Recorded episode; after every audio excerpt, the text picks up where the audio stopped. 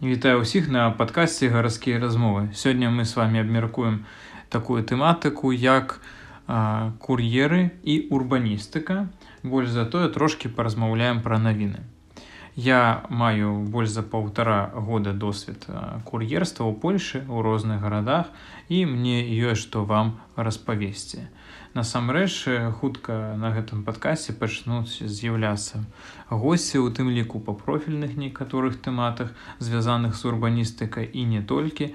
Таму калі вы слухаеце мяне праз падказ платформы абавязкова подпішыцеся калі праз YouTube то таксама але можете яшчэ і каментар пакінуць хочу выбачыцца перед аўдыторыяй прошлый пілотны выпуск праграмы подкаста я гатаваў даволі падрабязна. Усё ж такі я зрабіў сабе новую праграму для таго, каб рэдактаваць і аўдыо і відэа. Я праслухаў, прачытаў шматлікую колькасць розных матэрыялаў, як рабіць падкасты. Я прыдумаў лагатып, намаляваў і гэтак далей. Усё зрабіў, мантаваў даволі доўга. Всё я раблю сваімі рукамі ўласнымі. Але я не заўважу таго што ляжыць на самом версе э, літаральна не заважу памылкі у лагаціпе подкаста не гарадскія размовы агагага ці гада дада скія размовы вельмі жахліва і падкасты ўжо былі анансованы у той момант калі я гэта заўважыў самае цікава што адзін чалавек з маіх знаёмых зрабіў мне гэтую заўвагу, але я не паспеў гэта пабачыць ці просто пропусціў галаве. Таму што я не, не мог падумаць, што тое, што я бачыў столькі разоў, што я мантаваў, Таму што на YouTube на відео версіі гэтага подкаста таксама падчас монтажа заўсёды бачна лагатып.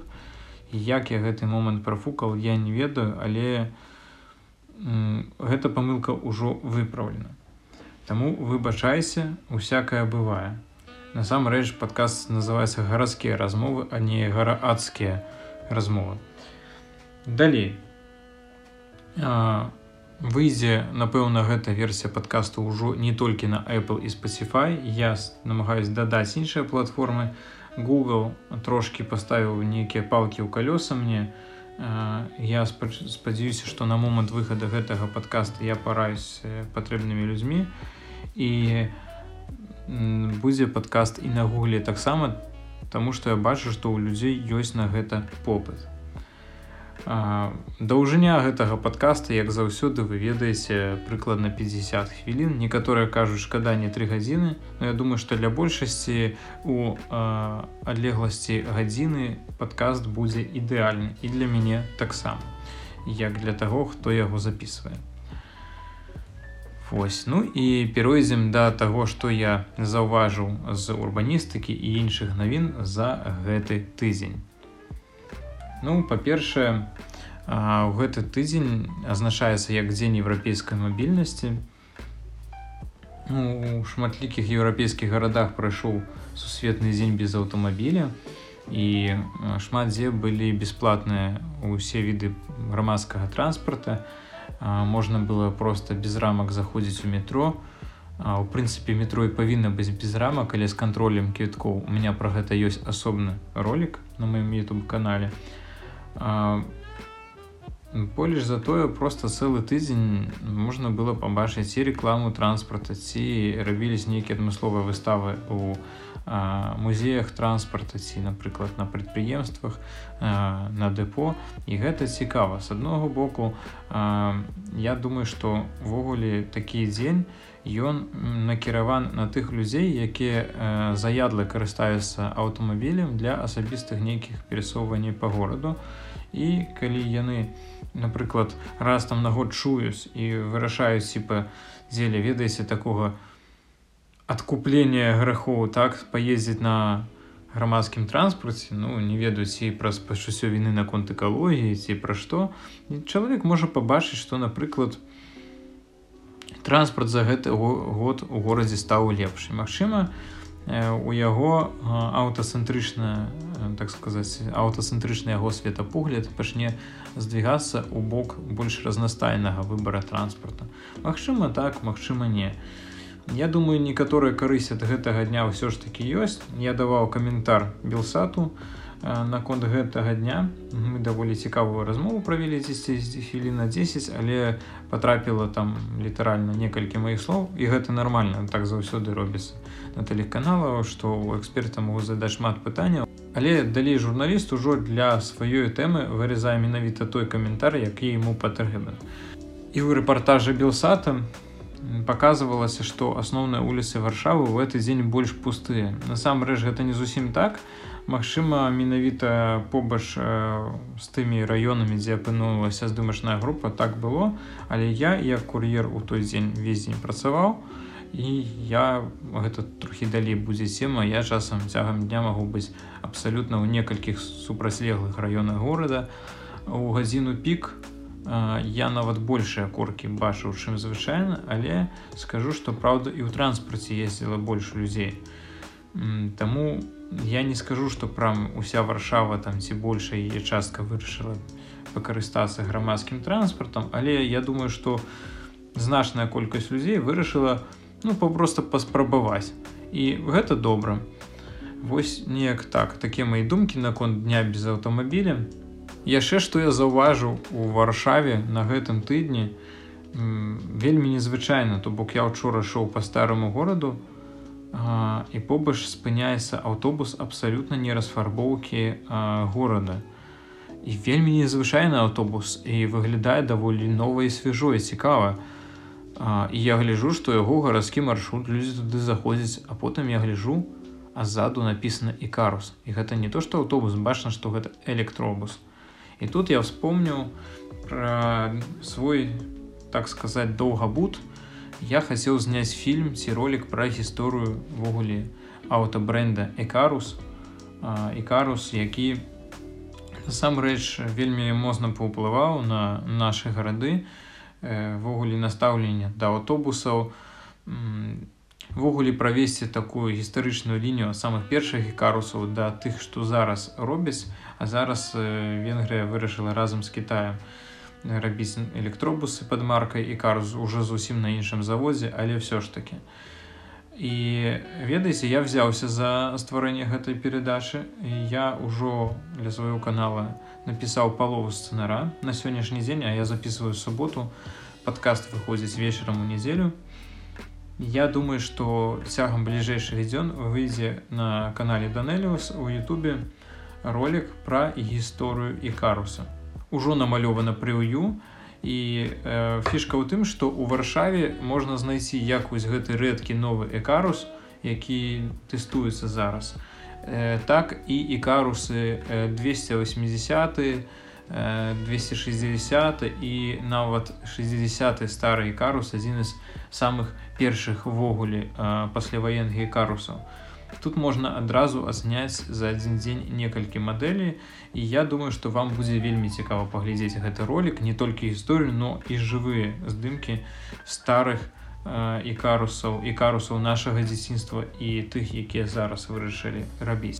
Ну і галоўная навіна ввогуле тыдня калі не напэўна месяца это то что так сказаць кіраўнік імперскай рассіі все ж таки вырашыў аб'явіць мабілізацыю замест таго каб просто звернуць манаткі і з'ехаць з украіны з пазором Я чакаў, што у меня такія чаканні, што гэта больш сур'ёзныя праблемы даст у краіне все ж такі памятаю, як цяжка было летом.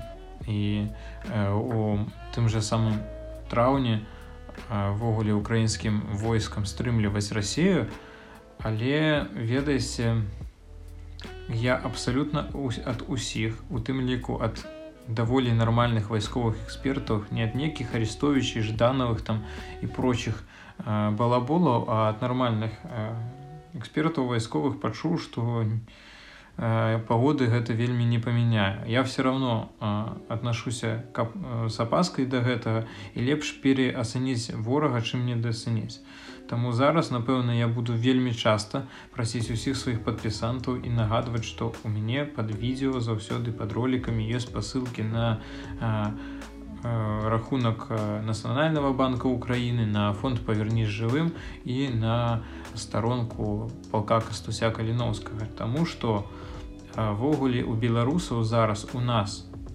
давайте подумаем о нас нас каб перамагчы каб ввогуле нас была хоць нейкая магчымасць знесці беларускую внутреннюю акупацыю у нас ёсць две простых э, стратэгіі якія працуюць. Все іншае гэта просто нейкія эфемерныя замкі.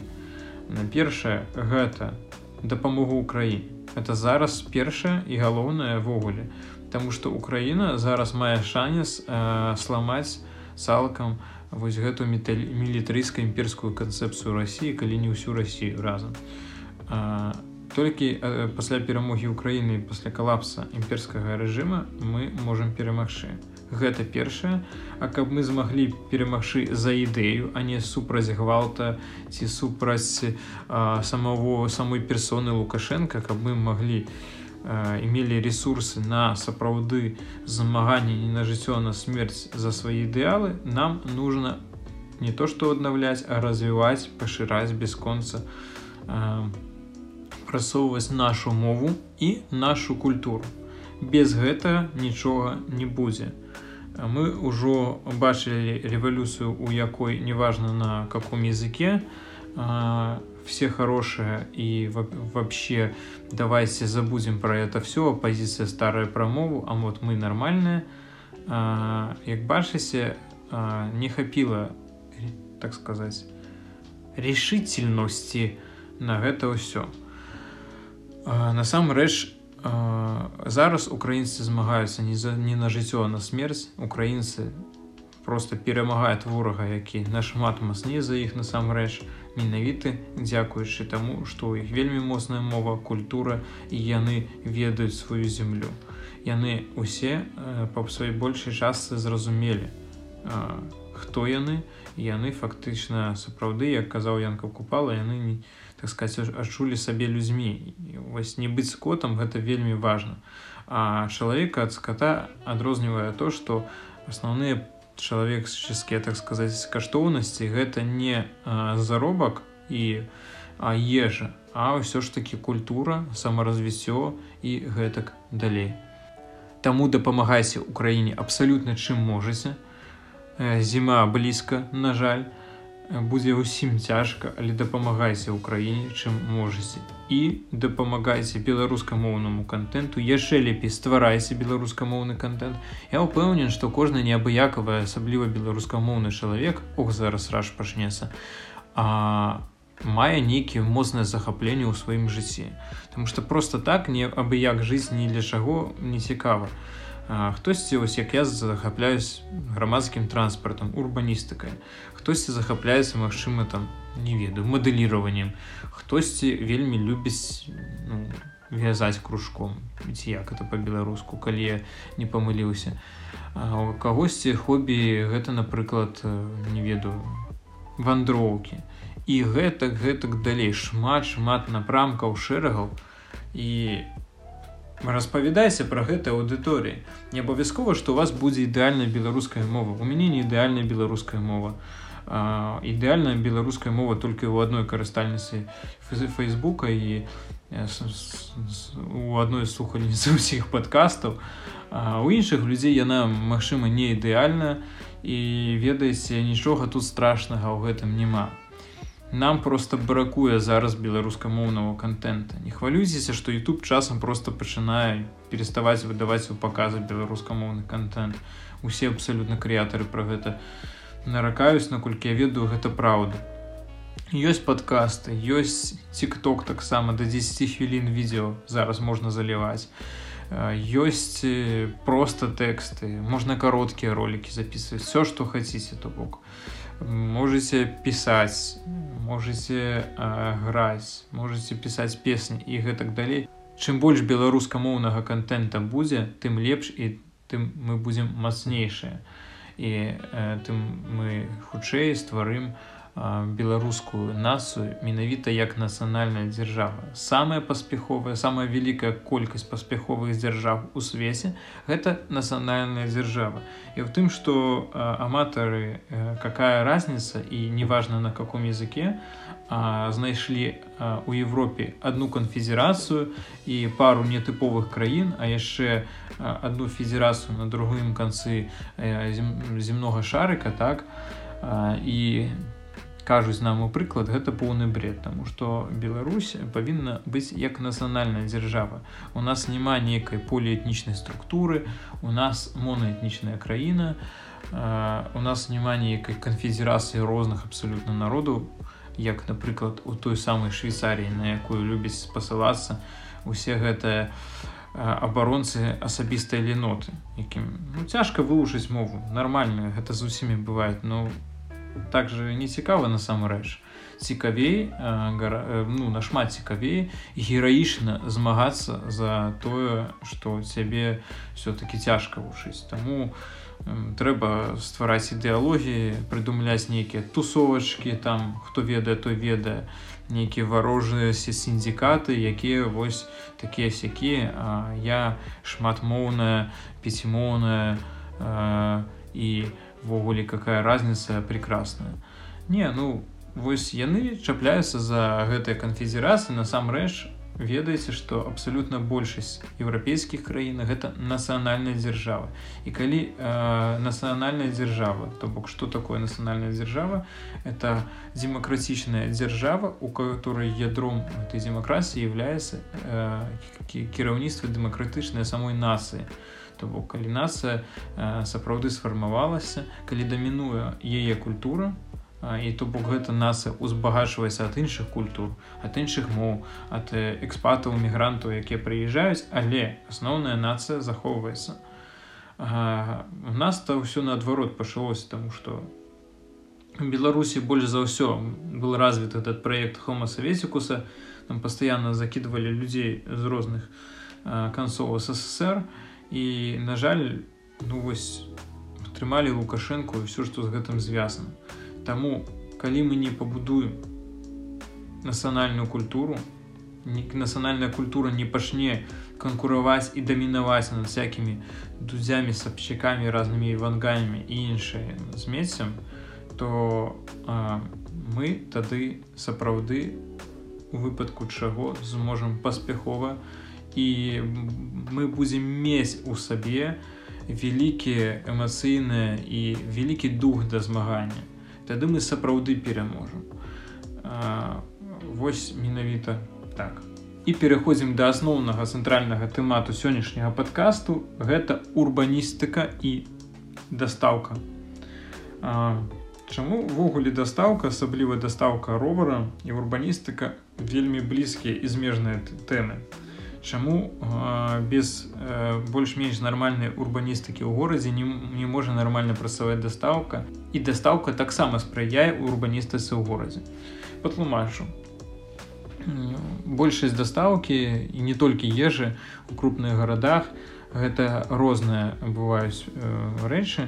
Насамрэч ёсць сервісы для дастаўкі ежы, ёсць сервісы для дастаўкі там, напрыклад, розных таких рэчывін не таких вялікіх ці напрыклад сервісы для дастаўкі тых же акумулятараў для электраровараў ёсць сервісы дастаўкі пошты і шмат чаго такого. Гэта ўсё робіцца на роварах Таму што у ровары у нармальным еўрапейскім горадзе будуць заўсёды больш эфектыўныя за аўтамабіль.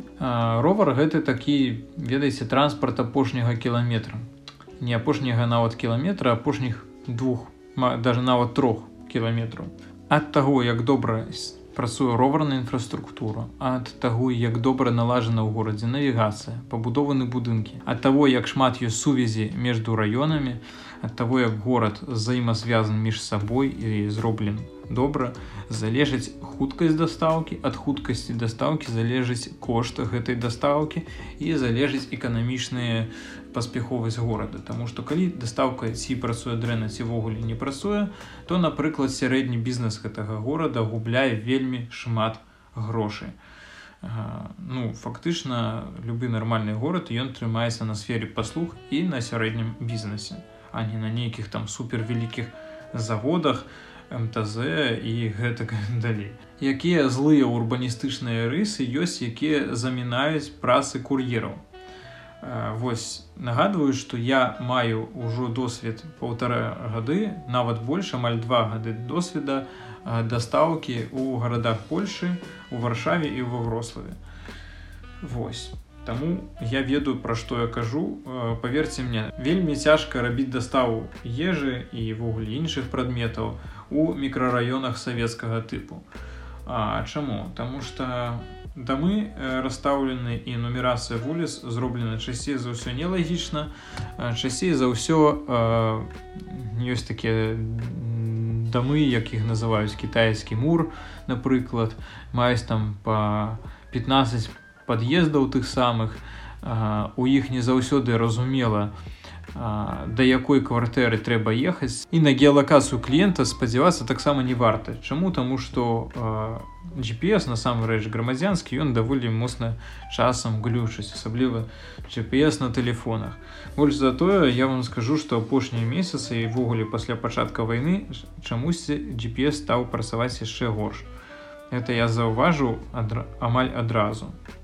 Магчыма я не хочу падавацца ў канспіралогію але па працы я гэта вельмі заўважу Таму ввогуле кліент можа быць у адным пад'ездзе а геалакацыя стаяць на іншым доме.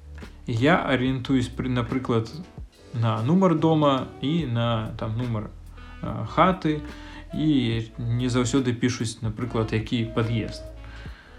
І пакуль ты знойдзеш там пад'езды пакуль ты знойдзеш абсалютна неразумелыя праезды да гэтага дома тому что вы ведаеце як мікрараёны зроблены шмат там унутраніх міні-дарог шмат нейкіх там праездаў трапінак і гэтак далей. Дамы не стаяць неяк вось лагічна па вуліцы квартала як это зроблена ў нармальнай забудове.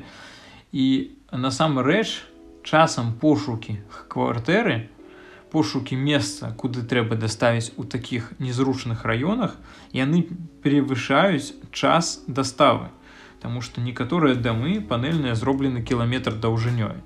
І добра калі там ідзе ўсё злева направа типа навошта тупіць даніку кур'еру. Ну, насамрэч часам яны ідуць не зусім так. Часам калі ты працуеш днямі і табе трапляюць абсалютна розныя раёны. Вось у мяне быў недавно такі выпадак і ночу напрыклад ці ў цемры гэта даволі складана. Калі ў цябе вельмі шмат заказаў ужо гарыць наступны трэба наступны весці. Потому что мы працуем фактычна як таксісты. Часам з-за гэтых вось дурных нумерацый дурных гэтых хітрасплесеней дамоў цяжка вельмі хутка і карэктна пазнаць дзе знаходіцца чалавек. Понятно что ты калі уже третий пятый раз прыязджаешь на гэты мікрараён ты штось ўжо разумееш. Але паверце гарады вялікія даставу шмат і кожны раз ва ўсём разумець не кожнаму дано. Нават я працую больш за год у варшаве і ведаеце варшава гэта такі горад город кантраст то тут тут ёсць абсалютна ўсе тыпы забудоў якія магчымыя і савецкі тып забудоў вельмі вялікай колькасці і э, пасля ваенны квартальны і нават аднаўлены стары горад і даунтаун мясцовы тут ёсць таму тут розныя тыпы і я тут працую ўжо ў самой варшаве больш за год. Я даволі добра ведаю. Мапу горада але неяк ноччу у Вось я прыехаў в один раён, где было шмат э, таких вот савецкіх ведаеце, якіх свечкамі называюць э, по-рускі прабачся.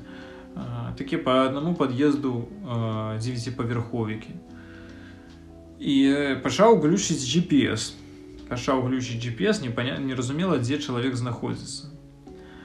Все гэтыя свечкі э, расстаўлены нумерацыя дамоў не па чарзе, абы як я пакінуў ровар Вось і там дзесьці было 5 ці 7 аднолькавых свечак ну, вот на адлегласці прыкладна кіламетр на кіламетр і пачаў шукаць менавіта гэты нумар дома. Я ўжо згубіў шмат шмат часу на тое каб знайсці менавіта гэты дом. Далей что адбываецца? Я выхожу я зрабіў доставу і вяртаюсь быццам по тому ж самому маршруту по якому я прыйшоў. Нема ровара і фішка ў тым што мне трэба было знайсці гэты ровар серыю самі дамоў. І не таму што я зусім забыў куды паставіў я памятаў прыкладна як выглядала дарога.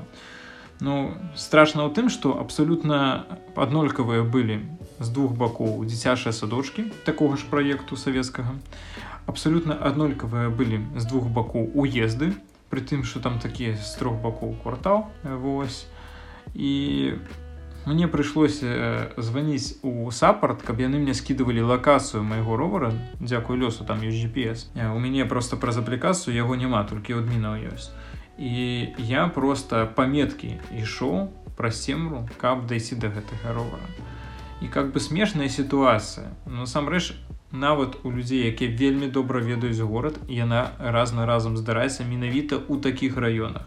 У квартальных раёнах гэта будзе цяжка зрабіць Таму што у еўрапейскіх квартальных раёнах ввогуле кожны пад'езд часцей за ўсё мае сваю ну, свой нумар дома і ты там ніяк не памылішся.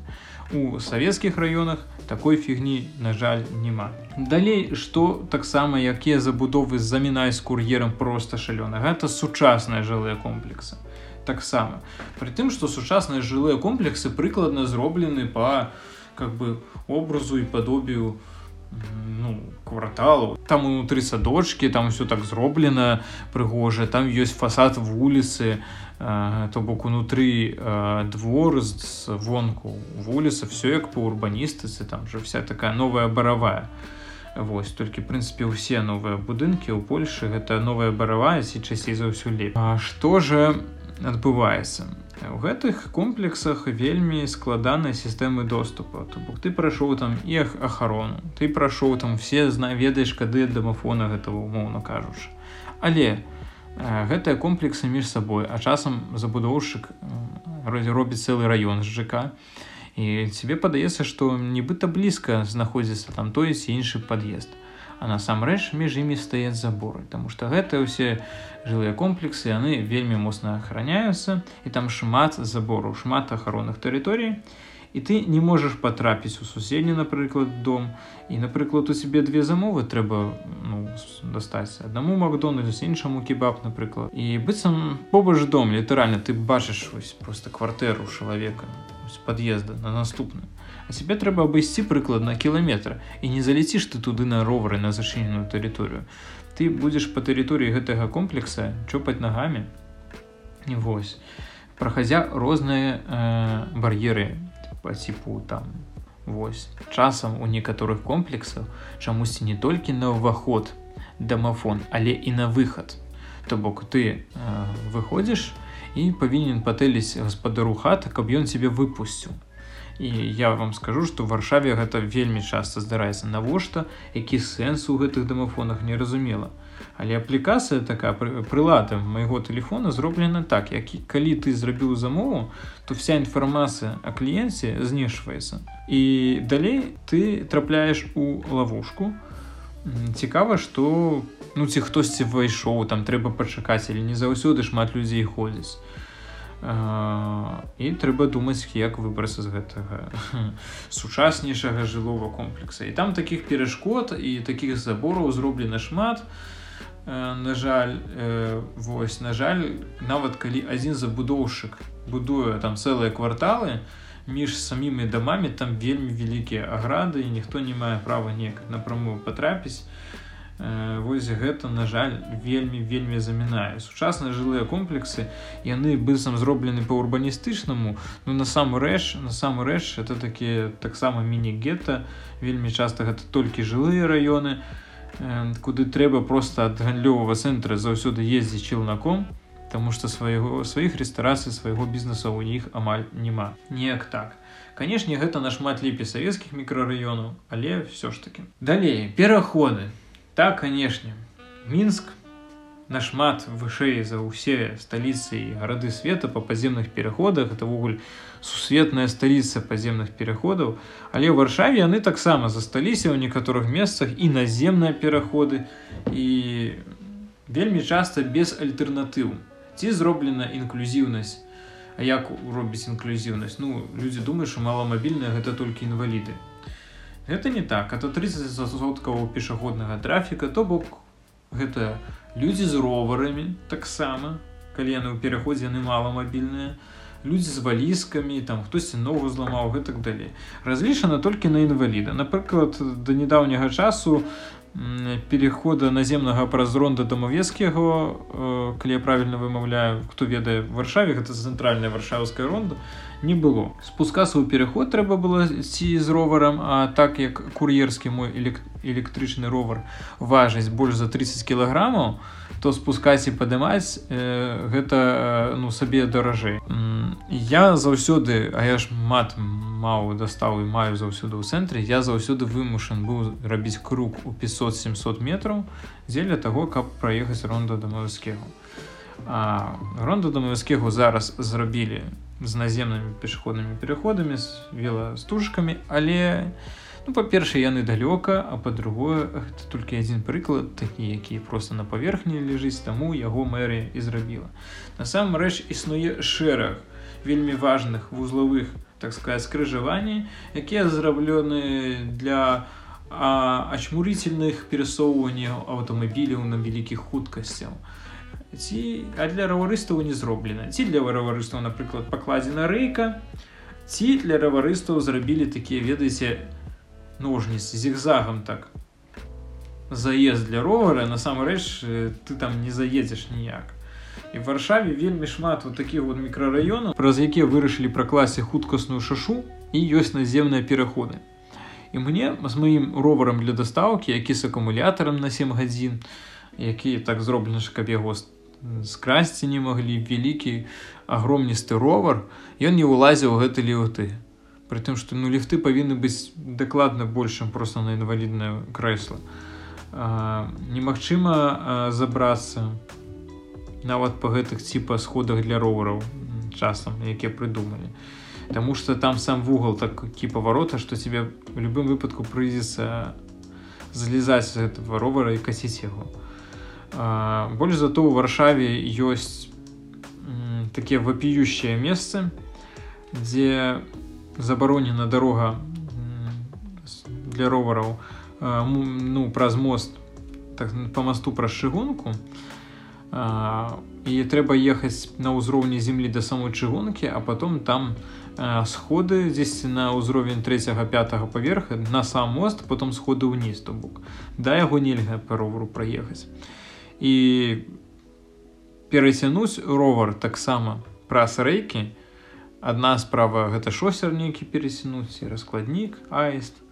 А з іншага боку пересінуць ці гарадскі ровар ці ровар які адмыслова сканструіраваны для доўгіх дастаў да для доўгіх паездак які напрыклад ёсць у мяне у маёй фірме. Вось гэта вельмі моцна замінае гэта просто запаволівае дастаўку на гадзіны. То бок канешне там я то зраблю дастаўку на 10-15 хвілін даўжэй э, дзякуючы такім перашкодам. А ёсць раёны дзе адні такія перашкоды. Там таксама той жа госла у некаторых месцаў такі вось э, ну шмат таких мест насамрэч. Але калі улічваць колькасць дастаў штодзённа калі улічваць што ввогуле як працуе бізнес асабліва падчас лакдауна у прынцыпе некаторыя заставы рабілі ўсё ад лекаў да а, там прадуктаў і іншага. Можна было даставіць. І бізнес просто ў гэтых раёнах перастае нармальна працаваць.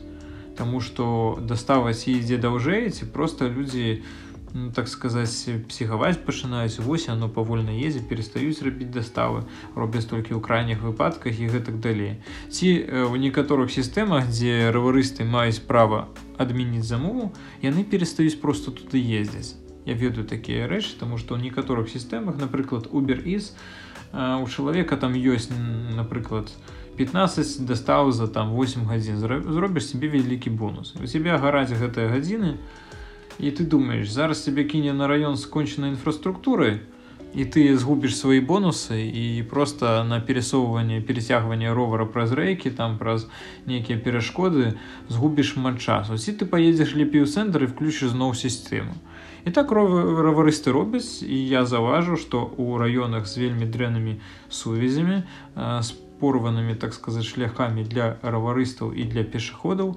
вельмі мала сярэдняга бізнеса. Калі ў раёне мала сярэдняга бізнеса гэты раён па-перша небяспечны па-другое эканамічна сталы і гэтак гэтак далей. Гэта полугета Таму урбаністыка ввогуле насамрэч вельмі моцна ўплывае на дастаўку а дастаўка на урбаністыку. У якіх вось адна цудоўная дзяўчына спытала у якіх раёнах рославай варшавы зручней за ўсё рабіць даставу. Ну я адкажу. У раёнах сярэдняй умеренай квартальнай забудовы зручней за ўсё рабіць даставу дзе ёсць роварная інфраструктура. То бок у варшаве насамрэч вельмі зручна рабіць даставу у средмесце палуднёвым. То бок гэта ніжэй за алеі разлімскія. Там вельмі зручна рабіць даставы. а варшаве даволі зручна рабіць доставы на залі Божы не лічышы якраз такі вось нового вот этого района жылых комплексаў дом дзевелопмент канешне залібош он там не супер квартальны але фактычна ён квартальны яго спраектавалі яшчэ да вайны і стары залібош менавіта. І там ёсць і маленькая такая забудова нізка по 3-4 паверха ёсць прыватная забудова але там паўсюль ёсць квартальная вуліца ёсць роварная інфраструктура і туды вазіць вельмі зручна Вось. Вельмі зручна рабіць даставу яшчэ ў тым раёне дзе беларускі дом дзе вуліца крынічна таксама. Ён даволі кампактны даволі квартальны і там шмат рэстарацый дзе можна вельмі хутка рабіць заказы вазіць. Это вось зручныя раёны Вось. Самыя незручныя раёны варшавы гэта паўтаруся гослаў. Гэта напрыклад ад галереі макота ў бок аэрапорта. Вось усё все гэтыя там перашкоды. Это вот этот вельмі вялікі доўгі чалавейнік. Там дэм лаціну вот этот вот урсынаў калі я не памыляюсь. Там незручна рабіць даставы насамрэч вось при тым что там няма таких супер перашкод але все равно просто вельмі выцянуты чалавенік. Незручна напэўна яшчэ рабіць даставы. Ніжэй за вуліцу гагарына там таксама вось гэтыя пераходы таксама вялікую шашу зрабілі і гэтак далей. Дзе зручней за ўсё было вазіць ежу ва врославе? Напэўна гэта напэўна гэта а, я ўжо пачынаю забываць назвы раёна вырослава але напэўна гэта на тым беразе варты. На той старане насамрэч вельмі зручна там некалькі магістральных роварных дарожак зрабілі там квартальная забудова. Напэўна зручней за ўсё рабіць даставы. Таксама вось у раёне дзесьці за вакзалам таксама такі полуквартальны раён хоць і савецкі. І по цэнтр там не заўсёды зручна таму што некаторых вуліцах ёсць старажытная брукоўка якая вельмі выбіваецца і няма роварнай дорожкі і там просто мой шасейны ровар мне адбіваў руки Аднак калі там збоку робіць роварныя дорожкі то цэнтр самы прыемны раён для доставы насамрэч. Ось гэты гістарычны цэнтр менавіта. Неяк так. Чаму урбаністу прыемная праца доставы я-то працую дастаўшчыкам так сітуацыўна таму што я прыехаў сюды так сказать з нулевым багажом. Хто мяне ведае што у юна у юнацтве я быў у таталітарнай секцыі мяне вучылі што адукацыя гэта дрэнна там нармальнай прафесіі я не атрымаў але ўсё жыццё цікавіўся і самаразвіваўся ва урбаністыцы і зараз намагаюся атрымаць адукацыю у гэтай галіне а Вось калі я прыехаў у меня не было нейкай такой суперпрафесіі ў Польшы каб я мог зарабляць а тут з'явілася якраз такі дастаўка тады быў лакдаун і вось пра гэта я распавяду вам у самым канцы усім цікава менавіта адно больш за ўсіх грошай цікавіць я разумею што гэта вельмі важна таму я пра гэта распавяду ў канцы подкаста калі быў лакдаун там можна было даволі неблага зарабіць за даволі кароткі час. Гэта было вольны час так сказать ты сам сабе яго абіраў. А па-трэцяе сапраўды мне было цікава я ввогуле вялікі аматар ровара я маю прям фізічнае заўсёды патрабаванне катацца. Гэта ў мяне як не ведаю нейкая такая залежнасць ад катання на ровары і залежнасць ад таго што мне вельмі падабаецца сапраўды кантактаваць з горадам А, мне сапраўды падабаецца ведаць што адбываецца в горадзе. І калі я жыў беларусі я просто вольны час сапраўды ездзіў от аднаго там канца горада да другого хто мяне давно ведае. І прынцыпе вось так вот катаўся праводзіў час на свежым паветры і шмат чаго ведаў дзе што там будуецца і гэтак далей. Калі э, я зараз працую у на такую нармальную фірму я про фірме таксама распавяду ў канцы то нам выдаюць такія добрыя вельмі сучасныя электрычныя ровары якія даволі хутка едуць праўда з праграмным абмежаваннем па правілах дарожнага руху мясцовых то я ось у варшаве ў сталіцы польльши дзе даволі вялікі горад калі шчыра я магу за некалькі гадзін быць як у цэнтры як і на паўночным краю горада так і на ўсходнім краю горада некалькі разоў пераязджаць віслу і гэтак далей. І гэта все за некалькі гадзін. І калі ў горадзе нешта адбываецца нейкія мітынгі марафоны візіты там байданаў іншае іншае іншае іншае я ўсё ведаю. Я вельмі часта бачу вядомых людзей там беларускіх вядомых людзей ці польскіх просто на вуліцы калі яны ходзяць я вельмі часто это бачу нават сваіх знаёмых якія недавно мігравалі ў Польшу. Я вельмі шмат каго бачу а людзі мяне не бачаць. Чаму? Таму што я раблю шмат дастаў. Вельмі часта бываю асабліва праз цэнтр праязджаю просто вельмі вялікай рэгулярнасці. Насамрэч усё гарадское жыццё большая яе частка праходзіць праз мяне то бок днём я магу бачыць мітынгі вечарам я магу бачыць канцэрта яшчэ штосьці. Дзе штосьці перакрылі. Вечарам пачынаецца больш замоў з гістарычнага цэнтра. Хтосьці ў клубы замаўляе днём ідуць замовы у вялікія гэтыя офісныя будынкі ў даунтаун там на 30 сороквы паверх. Я заўсёды маю доступ да даволі добрых краявідаў я як урбаніст яку які абажаю гарады любіць краявіды мне не трэба быць руферам мне мне не трэба шукаць нейкія ключы за мышки ад дахаў каб пабачыць цудоўнейшыя краявіды варшавы. Таму что я просто раблю дастаў вы часцей за ўсё у такія дамы дзе можна нават з пад'езда нормально пабачыць краявід на там варшаўскі даунтаунці на кета паркі варшаўскі ці там на раку і гэтак далей на гістарычны цэнтр таксама. Я быў у абсалютнай большасці новых жылых комплексаў. Я ведаю, як яны тут я як урбаніст могу ведаць і карыстацца ну, прыкладна ведаць, як там працуюць двары. Я даволі добра ведаю сістэму грамадскага транспарта, таму што вельмі часта бываю ў розных раёнах і э, раней і часам карыстаюсь э, аўтобусамі, каб проста падвесці свой ровар хутчэй ну калі гэта магчыма хутчэй. Часцей за ўсё хутчэй все-таки нарова Вось таму контакт з горадам вельмі моцны вельмі блізкі. Контакт з горадам вельмі цікавы.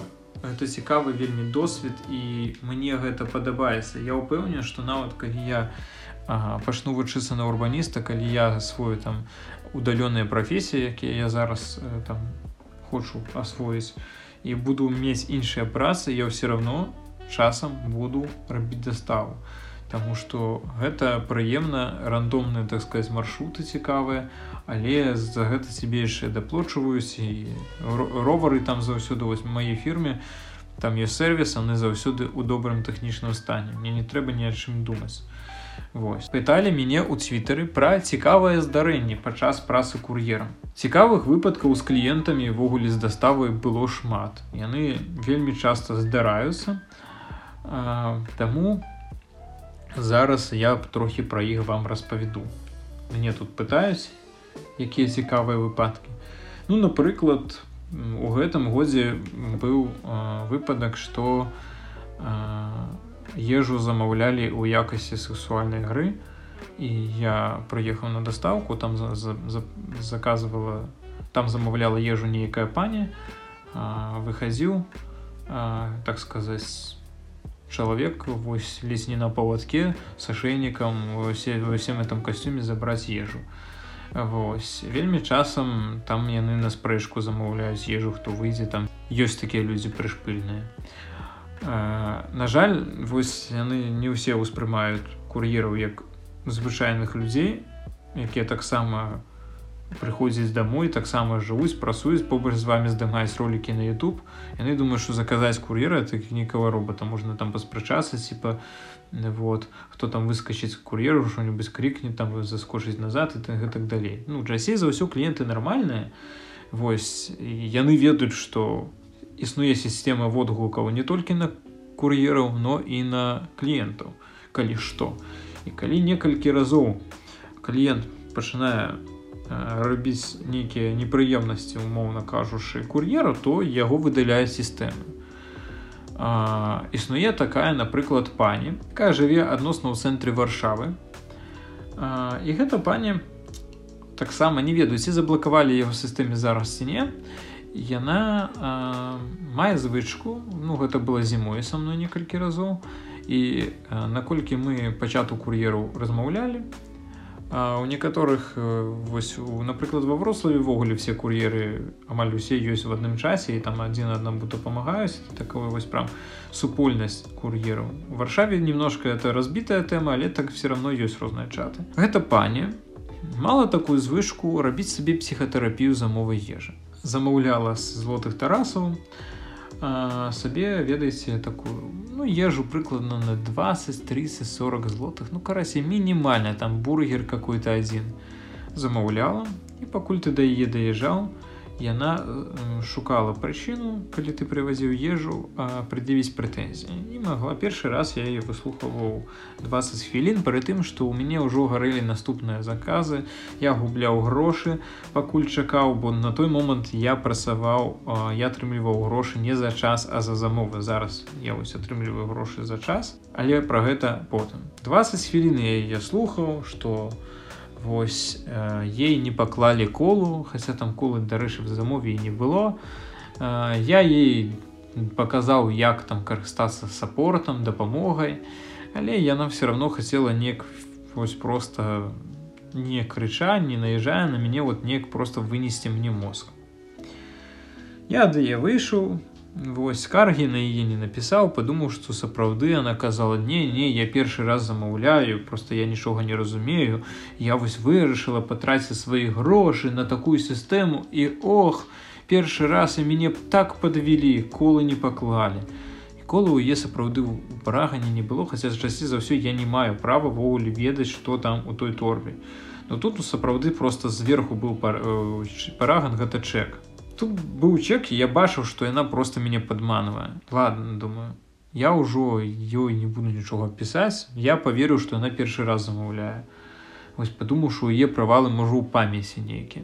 Праходзіць тыдзень она замаўляе таксама з гэтых жа злотых тарасаў или суседняй рэстарацыі на 20 там 30 злотых я бачу что ведаеце что гэта походу тое ж самае імя той же самы адрес. Я прыязджаю яна кажа что ежа холодная хаця мы карыстаем тэрмасумкі і там ад тых злотых тарасаў не больш там за кіламетра паўтара яна астыць ніяк не магла яна была ну, цёплая калі ей даваў она кажа холодная дык мне што грысі можа все ж таки вы з'ездзіце і разагрэеце Вось я кур'ер яшу мікрахвалёўку сабой важуце што ці паеду назад на рэстарацыю ну это бред поўнейшы я кажу типа пішыце дапамогу я потратила с 35 злотых на вас вот такое сякое красе я выйшаў я даў клічу ў чат і калі зразумеў што оказывается гэта пані замаўляе гэту ежу маленькімі сумамі і выносіць мазгі усім кур'ермі не толькі мне що казаў што на там уже двадцаты раз так замаўляе пра яе ўжо пісалі ў часе але я не заўважыў я тады напісаў на яе скаргу что яна агрэсіўна сабе паводзіла не давала працаваць. Ну что такое. Там там ёсць у менюшкі у уберы ёсць магчымасць паскардзіцца на кліента Вось. Вот такая незвычайная сітуацыя я зараз працую у пышна пл яна мне не трапляецца Ну таму что машина у пышна пл настолькі танныя замовы ну даволі рэдка часцей за ўсё у уберы трохі таннейшыя былі замовы наколькі я памятаю. І ёй псіхатэрапія важнейшая вось такая она хутчэй танную сабе псіхатэрапію вынася мазгі выпадковым людзям вельмі цікава было калі а, людзі напрыклад замаўлялі адно і тое ж у двух розных кур'ераў у двух розных сістэм і глядзелі як хто хутчэй прыездзе сидзелі на балконе глядзелі хто хутчэй прыездзе мы прыходзілі адначасова. Ну вось такое у людзей таксама ёсць э, захапленне выклікаць кур'ераў а недавно вось напрыклад прыходзіла да мяне замова аж на 700 злотых вот ну это часам бывае такое ну вось гэта рэкорд 700 злотых я не ведаю колькі это в беларускіх рублях але ну гэта не не сотня долларов это напэўна 200 даляраў 700 злотых. Это быў карпоратив там замовілі піцу і это было 18 спіс і сістэма просто згенеравала трох кур'ераў мы ехалі як таким цягніком і Э, на даволі вялікі паверх потым прыйшлі э, хмарачоса дзе быў гэты офіс гарбатных мы не атрымалі ну вось тыповая сітуацыя даволі часта бывае гарбатныя кур'еры атрымліваюць вельмі вельмі рэдка на жаль. І чым больш інфляцыя польчы ты менш волі э, людзі даюць хоць нейкія гарбатныя за гэты тыдзень я не атрымаў ні адной гарбатнай пры тым што бывае што за дзень некалькі атрымліваеш ну гэта даволі рандомная рэшта распавяду вам яшчэ одну таямніцу кур'ерства наконт цікавых выпадкаў. Існуе шэраг існуе шэраг сітуацыі калі кур'ер мае права абсалютна законна з'есці замову. Я не жартую. У маім выпадку калі так сказаць можна было з'есці напэўна за ўсю мою працу штук 15 набралось. Ну это мало адносна але ну раз на месяц даже нават два раза на месяц выпадае такое что замова як кажуць у службе дапамогі мы отправляем замову на ульці на ульцівізацыю ульцівізіруйце яе. А як ульці ульцівізировать так сказаць гэту замову? Гэта ваши справы а Э, бывае глюк сістэмы напрыклад калі у мяне я раблю чамусьці забіраю замову а яна знаходзіцца ў іншым горадзе убері калі кліент больш за 7 хвілін не э, дома і не адказвае на званкі смскі вы маеце права з'есці замову я заўсёды чакаў 15 хвілін пры тым што я за гэтага губляў грошы але вось у меня такая парадачнасць была Адзін раз э, я чакаў 20 хвілін чалавека вечарам. Ён не адказваў, ён не адказваў на званкі. Я намагаўся ставіць рэцэпт з э, яго замову, але э, таксама охранніка нідзе не было. Э, я паехаў на наступную. І сапраўды ўжо было напісана, што э, замова ідзе на ульцівізацыю ўжо два разы, але я хацеў все равно даць что адбываецца дзесьці ўжо калі я раблю наступную замову ён мне тэліс при тым что ён э, ўжо по праграме не мае права бачыць мой нумар телефона она ему не показывается. Ці ён захаваў гэты нумар телефона ці что я не ведаю. А і он кажа ну ты все равно напэўна у гэтым раёне недалёка стаў мне я кажу ну назовіце свой дакладны адрес я вам прывезу бо ён яшчэ і адрес свой не напісаў напісаў толькі дом а нумар кватэры не напісаў. Я да яго еду і ён не адказвае на дамафон яшчэ 10 хвілін і таксама не адказвае на телефон і я ну вымушаны быў забраць сабою гэтую замову там было две піцы. На што на наступны тыдзень прыйшла скарга ад нейкага невядомого чалавека в сістэму што я на кагосьці нападаў і абражаў. Ось так вось. Галодны чалавек які не хацеў указваць свой адрес не хацеў э, падымаць слухаўку потым перетэліваў а Вось так чалавек вырашыў мне так сказаць пад, падкласці свінню. Але нічога страшного не адбылося Вось хтосьці мяне спытваў колькі прыкладна праязджаеш кіламетраў за дзень Ну умоўна кажучы бывае по-розным бывае так что одна замова напрыклад от ресторана до э, дома 3 кіметра бывает что от ресторана домов дома 5 кіметров бывае что часцей за ўсё один полтора э, калі працуеш весь дзень прыкладна выходзе 40 50 70 кіметров сам рэж выходзіць больш но так піша праграма тому что яна лічыць вот менавіта я просто страву не ўключаў трэба гэта зрабіць дарэчы а часцей за ўсё просто бывае так что себе кідае у нейкі край горада і вось раскідывае між вось такими саўковымі раёнамі дзе вельмі вялікія адлегласці і кожная замова это 5-7-10 кіламетраў тады можна і сотню кіламетраў і больш у дзень праехаць і зраблю вам за ўвагу что гэта сотня это не просто что-то вы взяли и поехали сябрами на роварах дзесьці там по прыродзе дзесьці яшчэ сотню. Гэта сотня стресса тому что заўсёды кожны дзень кожную секунду існуе небяспека того что у когось собака срывается. Часам кіроўцы не бачыць нават таварыста якога яны самы пропускаюць напрыклад пропускаюць табе побачыў табе ну глядзіш на яго ці побачу потом он наглядзіць на машины і бачыць пустую пустую вось такую адлегласць між машинами і пачынае ехаць забыўшы пра мяне. У мяне такое было. То есть мяне збіла адзін раз машина нават але на шасе не пастрадаў і заўсёды гэта сотня пастаяннага стреса тому что ты знаходзішся заўсёды так сказать ты быццам спакойны але ты заўсёды абавязан вельмі рэзка рэагаваць на штось і гэта светлафоры гэта дзесьці запракавацца трэба гэта трэба штосьці шукаць і гэтак далей. Таму гэта такія 100 кіламетраў калі смена 8 гадзін напрыклад і ці 10 гадзін нават я браў і 12 свой час і себе кідае по краям горада. То бок там дзе саўковыя раёны то гэта вось такія я вам скажу 100 чымсьці кіламетраў бега з препятствия бега з перашкодамі язды з перашкодамі Таму что я вам уже шмат тлумачыў того что адбываецца якія плюсы і мінусы гэтай прасы зараз вось і вам распавяду ўжо конкретно плюсы для мяне гэта ввогуле сама езда на ровары для мяне гэта асалода. Для мяне асалода яшчэ раз паўтарусь кантактаваць з горадам. Для меня асалода бываць абсалютна ў большасці рэстарацыі горада да ты там не кушаешь але ты ведаеш куды ісці. Ты ведаеш цікавыя лакацыі в адрозненне ад іншых. Ты добра ведаеш горад в адрозненне ад іншых. Гэта надае плюсы. Потом можаш у непрасоўны час хадзіць. Вось я одну цудоўную французскую рэстарацыю найшоў памятаю на левом беразе віслы. І на наступны дзень памятаю пайшоў со сваёй дзяўчыны гэтую рэстарацыю.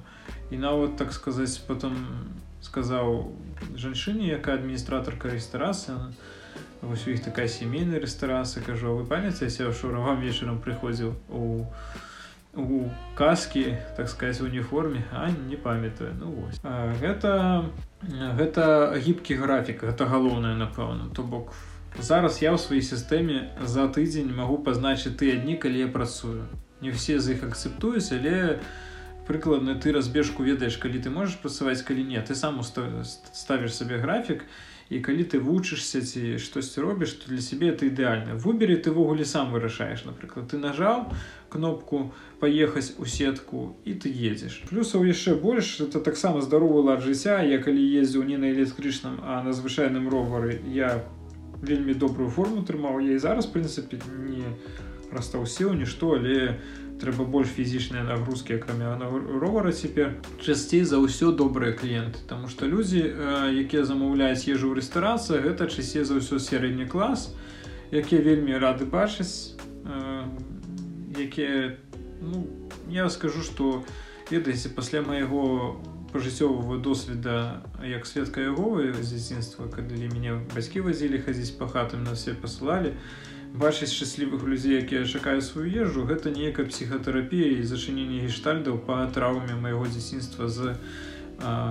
досведам у секце напэўна ўсё. Ну і скажу вам калі быў локдаун зараблялі мы даволі шмат. Вы яшчэ пачакаеце праз пару хвілін вам распавяду пра грошы. Мінусы працы вось гэта просто я распавядаю умоўна кажучы пра сярэднім працу не, не кажучы на якой сістэме на якой фірме. Мінусы гэта трэба быць максімальна стрэсаўстойлівым то бок за дзень вы можете пару раз не лезь не потрапіць под машину лезь кагосьці не збіць але не потрапіць нікого не збіць і быць абсолютно спакойным чалавекам мне гэта удается не ўсім гэта удается за дзень вы можете некалькі раз э, потрапіць даволі незвычайныя какие-то крайнія раёны дзе не разумела ці выйдзеце вы адсюль і куды вы заехалі что за вами будзе то але трэба быць стрэсаўстойлівым і все гэта рабіць. З мінусаў шмат для каго можа быць это праца сапраўды з геаграфіі то бок я малюю мапы асабліва гарадоў з дзяцінства. Я магу нават казаць пра некаторыя рэчы даволі падрабязна ў гарадах у якіх я не быў. У гарадах у якіх я знаходжуся вельмі добра арыентуюсь нават без мапы. Але у меня все равно вісіць навігатор тому что чалавек трохі павінен у на аўтамаце працаваць лепш моя увага будзе не на то як мне праехаць а на дарогу. Але але навігатор вельмі часто паказваюць абы як вельмі часто людзі ставяць лакацыю абы як вельмі часто розныя сітуацыі.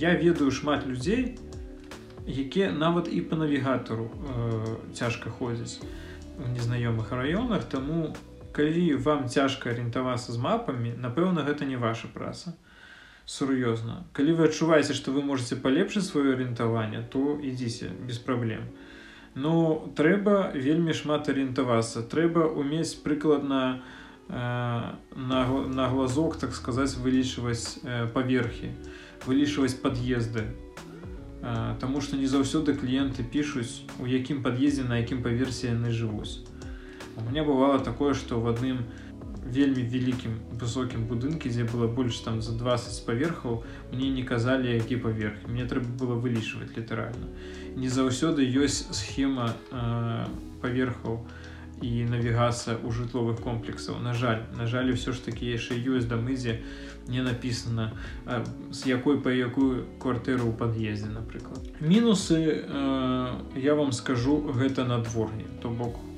я даволі маразаўстойлівы я не баюся то бок я ездзіў рабіў дастаўку ў зіму нават у мінус 15 і мне было нормально на ровары то бок у мяне няма не роварнага сезона у мяне асабіста у людзей ён ёсць. Часцей за ўсё. І часцей за ўсё гэта праца то бок снег першага красавіка недавно пашоў вось в этом году памятаю.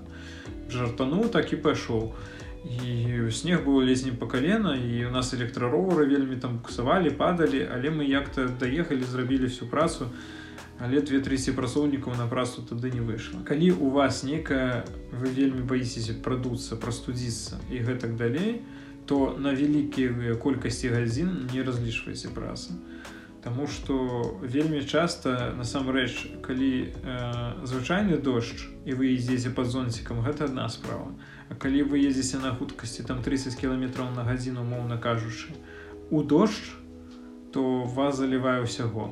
І напрыклад так у мяне зламаўся мой папярэдні тэлефон у якога не было абароны ад уладзе он у меня быў у кішэні далеко глыбоко але меня быў настолькі мокры што телефон заліла просто літаральна заліла.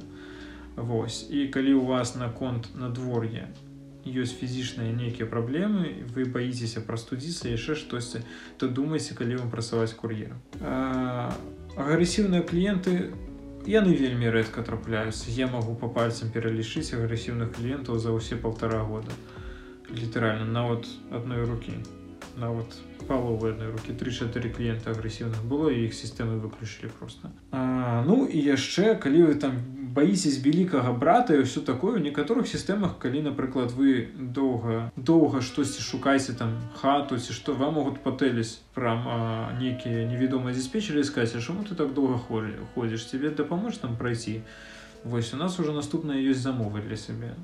Калі вам адчуваецца такі контроль то не ідзіце на эту працу. Калі вам цяжка што за вами хтосьці сидзіць нейкі диспетчер GPS глядзіць то ну, гэта праца не для вас але я вам скажу так для мяне гэта праца свабодная тому что я працую сам сабой давно ніякі каардынатор ніякі начальнік не ходзіць мне не трэба заўсёды трымаць нейкія вельмі цёплыя стасункі з калектывам каб супрацоўнічаць тому что так мы там адзін аднаму дапамагаем ну мы бачымся максимум в рэстарацыях і вельмі рандомна і нет такого гніення калектыва як он часам на працах бывае але калі вось вас напрагае той кантроль що за вами хтосьці сядзіць умоўна у суседнім горадзе і сачыць за GPS за выкананнем ваших замоў то ну блин это таксама праца не да вас. Перайдзем да фірм да грошай і будзем скончваць падкаст. Глядзіце наконт грошай. Зараз я працую у напэўна лідары даставак Польшы гэта пышна пл яны плоцяць за гадзіны то бок калі вам адабряюць нейкія гадзіны цягам тыдня вы там іх пазначаеце за тыдзень прыкладна да вы прыходзіце на працу то бок у цэнтры горада ёсць хаб дзе стаяць ровары торбы і ёсць все што трэба. То бок вы прыходзіце прыкладна за 15 минут там да пачатка працы за 10 бярэце сабе акумулятор ставіце ў гэты суперровар цянеце гэты акумулятор і воз раней хапала гэтых акумулятараў старых на не ведаю на 3-4 гадзіны зараз на 7-8 хапае гадзін калі не вельмі холодна э, вас сканіруют вы подписываеце что вы береце маёмасць там то бок ровар і едзеце працуеце потым вось напрыканцы смены гэта вяртайся вам просто плоціць там 17 до 19 злотых за гадзіну а, Вось. Ну плюс там в канцы месяца у вас ідуць бонусы там за колькасць замоў, але яны не вельмі такія істотныя. Вось ну гарбатны я вам распавядаў наколькі гардо ну які вялікі рандом з гэтымі гарбатамі і іх проста як бонус успрымаеце нават не разлічвайце на гарбатныя ніколі. А як гэта напрыклад працуе в убере в убере вам плацяць па-першае за замовы яшчэ вам плацяць сверху за колькасць замоў вам прыходзяць нейкія акцыі напрыклад зрабі сабе да па вечар 15 замоў і атрымаеш там бонус 340 злотых. І ты вось выконваеш намагаешься в этой акцыі ну, выканаць колькасць замоў і себе падаюць грошы не толькі за самым замовы а яшчэ ну за дастава яшчэ і за вось гэты бонус колькасці замоў і кожны тыдзень ты атрымліваеш грошы. Калі было ўсё добра да лакдауна на убере можна было зарабляць до пры добрым веданні горада і вельмі упорныя працы можна было зарабіць до 300 злотых дзень конечно на наступны дзень у вас не было бы так шмат сіл зарабляць 300 злотых но у меня 150 э, нават 200 злотых дзень хапала то бок некаторы тыдні калі у меня гарелі нейкія там фінансавыя праблемы э, у 2021 годзе я мог зарабіць тысячу злотых за тыдзень без праблем абсалютна на убере то Э, это при тым что ну так сказаць я там не меў тады супер электрычнага ровара там вось гэта все при тым что на убере вельмі вялікая на той момант праблема было там с э, чаканнем у рэстарацыях тому что убер заўсёды последнім аддавалі замовы адрозненне ад пышнай головы. Але неяк так. Э, ну зарабляў я шмат і я мог сам вырашыць вот сегодня я працую сегодня не працую вот настолько вольны ты просто вот тебе задолбала все ты просто выходишь из системы едешь до дом и все потом пачаўся скончвацца локдаун пачались там зімовыя канікулы і праца просто амаль знікла і нейкі час я ўжо амаль тады полугода ці год прапрацуюшы в убере Я на аўтамаце выязджаў у горад, шукаў замовы, стаяў у правільных месцах, дзе рэстарацыі побач і нічога не было. Я так пару тыдняў нават ездзіў проста ў пустую, вельмі дрэнна на дворы. Вось пачаў шукаць працу. І в прынцыпе мяне тады завербавалі ў пышна. Я скажу, што у пышна в адрозненне ад тубера все зрушана і плоцяць за гадзіны. То бок няма такой такіх нерваў, што мяне гарыць нейкія бонусныя акцыі, што мне зараз трэба шмат шмат шмат зрабіць все равно ты ведаеш что тебе за гэты час будзе заплочана. Это с аднаго боку. З другого боку не трэба набываць і сервісаваць свой ровар. Не трэба заўсёды ремонтаваць тую торбу якая там сыпецца. Таму что за себе ўсё робя сервис ты просто приходзіш на працу забіраеш там вот это і зімовае адзенне пышна выдае нармальна. І в прынцыпе там нармальная плюс-мінус адэкватная служба дапамогі. Калі штосьці не так там замовай э, нейкай себе дапамагаюць вырашаюць твои праблемы. В убере ты как бы абсолютно весь цалкам сам за сабе шмат хто выбере ввогуле просто падманавай сістэму і крадзе замовы з'ядае іх нейкія такія ёсць махляры якіх ніхто не можа спаймаць тому что выбер из офіс з некалькіх чалавек у кракаве яны ні за што не адказваюць. І самы вялікі мінус убера напрыклад ну і глова у прынцыпе і вольта і ўсіх падобных сістэм. Гэта то что по заканадаўству яны просто інфармацыйнай сістэмы яны тут не займаюцца бізнесам неякім і бізнесам займаюцца фірмы партнёры якія типа робяць усё каб там ты абышоў типа падаткі. Таму што калі там сплошваць все правільна в адрозненне дарэчы ад пышна калі все сплошваць правільна то именно менавіта так то убере немагчыма нормально зарабіць грошай головай у падобных сістэмах Вось таму там знойдзены дзіркі ў законах то бок это ўсё законна как бы. Не сапраўды законна. І э, фірмы там мусяць круці заўсёды перепісваюць гэты дагавары і так кур'еры прасуюць. І вельмі часта гэта фірмы просто два-тры тыдні прасуюць а потым знікаюць разам з заробкам вельмі часто такое бывае. Я вам сур'ёзна гэта самы вялікі мінус убера голова і вось гэтых вольт болт і іншых у Польшы. Таму что вельмі часто партнёр набірае некую суму людзей там тысяча две тысячи чалавек далучаецца да партнёра і фірма просто знікае. Ці яны просто не выплочваюць ці перезапускаюць фірму. Вось я адзін раз так згубіў свой заробак акурат перед выплатай ну аренды.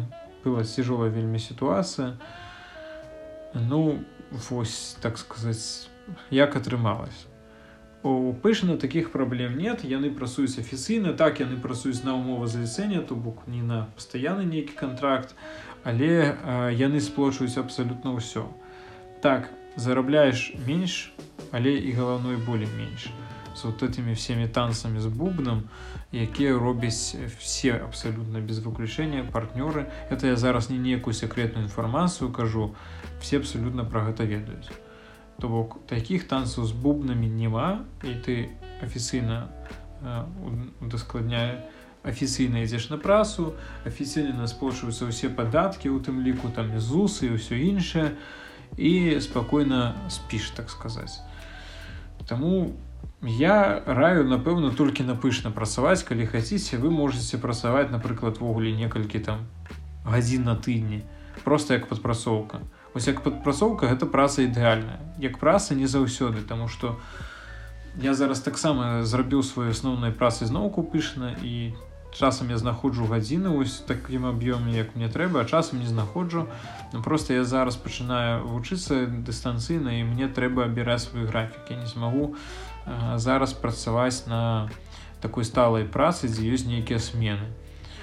Вось Таму по грошам я вам прыкладна сказаў что калі працаваць нормально вось звычайна это 8 гадзін калі канешне яны вам дастануцца пышна то вы атрымаеце звычайны такі заробак там 3000 там чымсьці злотых і будзеце шчаслівы.